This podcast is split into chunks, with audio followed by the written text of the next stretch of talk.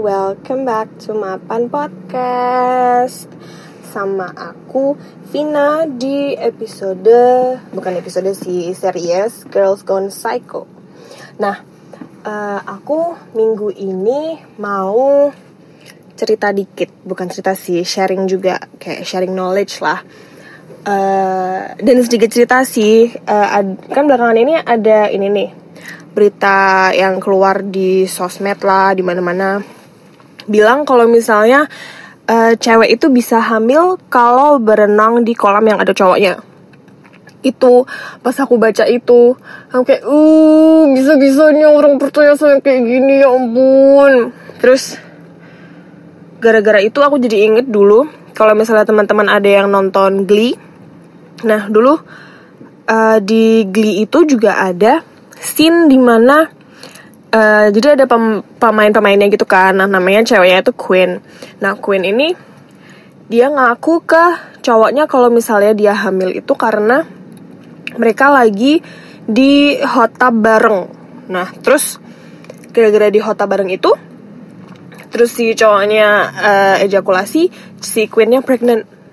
Padahal uh, cerita yang sebenarnya itu si Queen ini emang selingkuh dari pacarnya itu kan.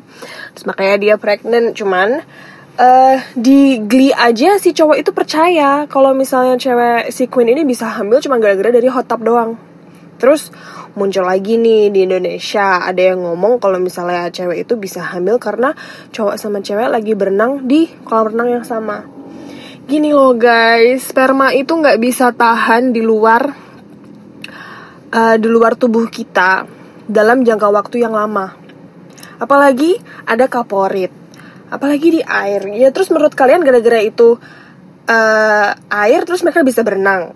Ya enggak, beda gitu loh guys. Karena cuaca luar itu berbeda dengan kondisi tubuh di dalam. Jadi mereka itu nggak mungkin bisa survive di luar tubuh, baik itu tubuh cowok ataupun itu tubuh cewek.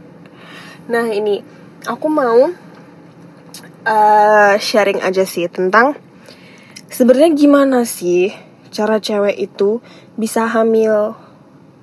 Uh, dari beberapa uh, cara yang aku sebutin nanti uh, satu keyword utamanya itu adalah penetrasi.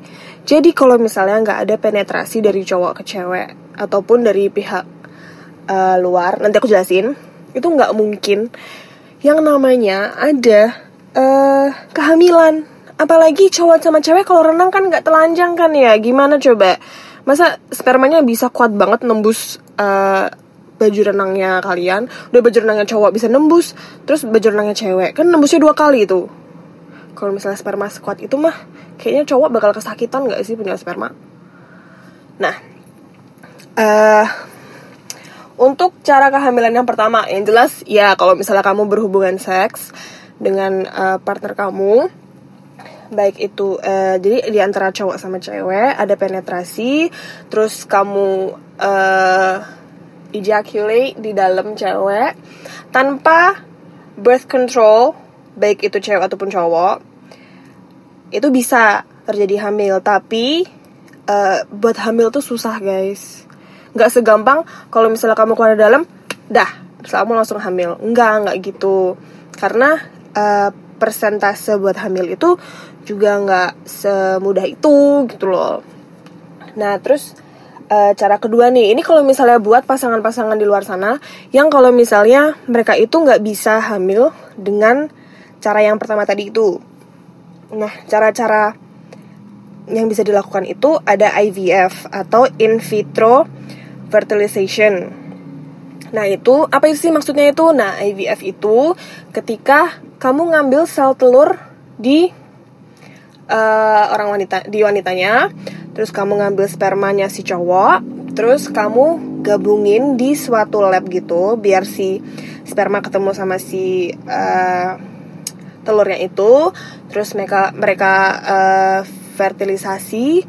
Nah ntar kalau misalnya udah jadi embrio itu baru dimasukin lagi ke badannya si cewek untuk bisa berkembang uh, menjadi bayi terus hamil kayak biasanya 9 bulan baru melahirkan kayak gitu Nah terus uh, ada lagi ini misalnya uh, dinding rahimnya cewek itu uh, tidak begitu kuat untuk um, menerima sperma.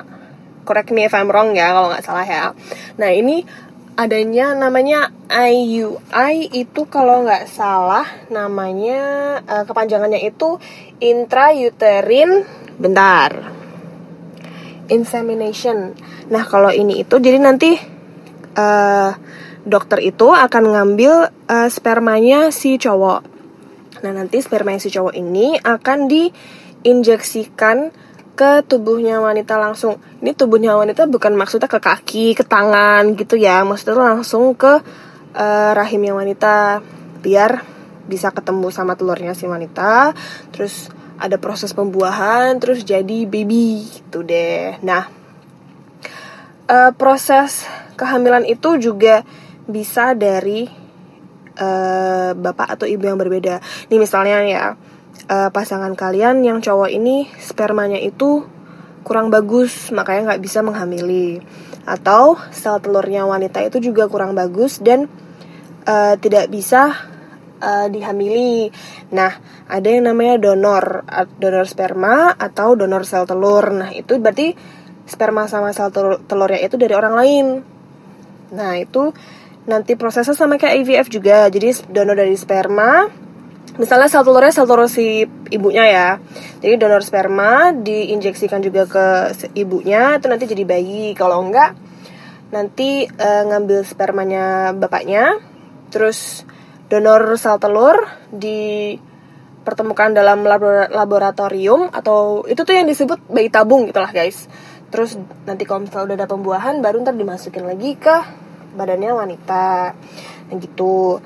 Terakhir nih kalau misalnya ternyata badannya si ibu itu nggak bisa buat mengandung anak guys. Jadi uh, rahimnya itu kurang kuat atau apalah. Nah itu ada yang namanya surrogacy atau surrogate.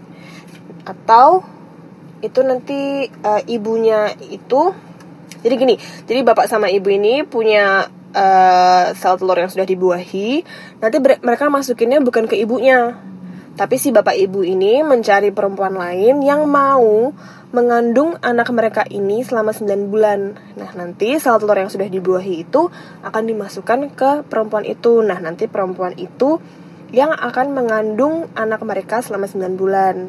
Nah, kalau kalian nanya, lah nanti berarti anaknya si apa perempuan yang tadi dong nggak ada hubungannya sama bapak ibunya dong nggak karena kan itu sel telurnya udah dibuahin sama bapak ibunya jadi otomatis itu uh, punyanya bapak sama ibunya jadi genetik ya itu genetik bapak sama ibunya jadi uh, si perempuan tadi itu hanya uh, mengandung bayinya untuk bapak ibunya gitu nah itu kan beberapa cara untuk um, kehamilan. Tadi ingat kan uh, satu kata yang penting itu adalah penetrasi. Semuanya tadi dimasukkan dulu ke dalam tubuh baru bisa berkembang. Nah ini gimana ceritanya? Sperma di kolam renang, renang, renang, renang, renang, terus ketemu sama cewek. Terus kalau misalnya spermanya ketemu sama cowok gimana coba? Kan nggak jelas kan? Sumpah aku masih nggak paham sih kenapa bisa logikanya kayak gitu. Nah, terus aku mau ngejelasin nih jadi ketika sperma itu masuk ke dalam uh, rahimnya cewek, mereka itu Nah, kalau misalnya di dalam, di dalam tubuh nih ya, di dalam tubuh itu masa hidupnya sperma itu enam hari, gitu. Kalau di luar mah, eh ya ampun baru keluar dikit aja udah kayak udah udah meninggal gak sih? Nah, kalau di dalam uh, tubuh perempuan itu ada masa waktu enam hari. Nah, enam hari ini itu uh, proses sperma dari rahim menuju ke fallopian tubes itu untuk mencari sel telur yang bisa dibuahi. Nah, kalau misalnya spermanya ini ketemu sama sel telur, nanti mereka akan menyatu atau spermanya penetrasi ke sel telurnya kan. Nah, terus menyatu lalu dari uh, fallopian tube itu nanti mereka akan turun ke dinding rahimnya cewek. Nah, kalau misalnya uh, sel telur yang sudah dibuahi ini mereka uh, bisa melekat di dinding rahimnya cewek maka itu yang dinamakan kehamilan nah itu berarti udah mulai proses uh, uh, wanita itu membentuk sebuah baby. Nah kalau misalnya nggak bisa nempel di rahimnya, ya itu nggak nggak hamil, gitu. Nah aku kemarin kan ngomong pas sex education tuh kayak educate yourself. Aku berharap banget teman-teman yang dengerin ini tuh uh, bisa eh bisa nggak langsung percaya gitu loh sama hoax hoax yang ada di berita-berita apalagi kemarin yang ngomong apa tentang kolam renang kolam renang ini tuh institusi yang emang ini banget gitu loh. Nah kan itu bisa bahaya bahaya ya kalau misalnya banyak uh, anak-anak yang percaya kalau misalnya kolam renang itu bisa bikin mereka hamil. Ntar malah pada nggak mau renang. Terus ntar nggak bisa nggak bisa uh, belajar renang. Padahal renang tuh sebenarnya uh, salah satu skill yang sangat berguna loh guys buat kehidupan kalian. Malah nyeleweng renang ya. Ya intinya gitu. Pokoknya kalau misalnya kalian dengar berita kayak gitu coba di cross check dulu. Coba tanya dulu ke orang yang emang ngerti gitu loh. Karena itu tuh sangat impossible gitu loh guys. Nggak mungkin banget sperma terus sperma punya antena langsung tahu cewek itu yang mana. Terus kalau misalnya renangnya rame-rame ntar cowoknya eh ntar ceweknya nggak tahu bapaknya yang mana. Terus ntar malah bingung nggak punya bapak. Terus dia kehidupannya susah. Masa gitu sih? Kan kayak nggak masuk akal banget. Guys aku tuh sebel banget sebenarnya denger berita itu. Please ya please jangan gampang tertipu sama berita-berita kayak gitu. Oke mungkin itu aja. Sedikit sex education from me. Semoga kalian uh, lebih aware sama hal itu. Dan please jangan bego-bego banget guys. Masa hal kayak gitu langsung percaya? Di research dulu oke? okay? Uh, jangan lupa follow Mapan Podcast di Instagram @mapan.podcast. Terus jangan lupa follow Spotify kita juga, follow uh, Apple Podcast dan follow apa lagi? Anchor FM. Nah, kalau misalnya ada saran atau kritik buat aku atau teman-teman yang lain di Mapan Podcast bisa di Instagram lewat DM. Kalau misalnya ada topik-topik pembicaraan yang bisa aku bawa atau teman-teman yang lain juga bisa dibawa, boleh di DM. Um, oh ya, yeah, share share this podcast to your friends biar uh, Mapan Podcast bisa masuk podcast chartsnya Spotify lagi. Hehe. Oke, okay, that's it from me. Bye.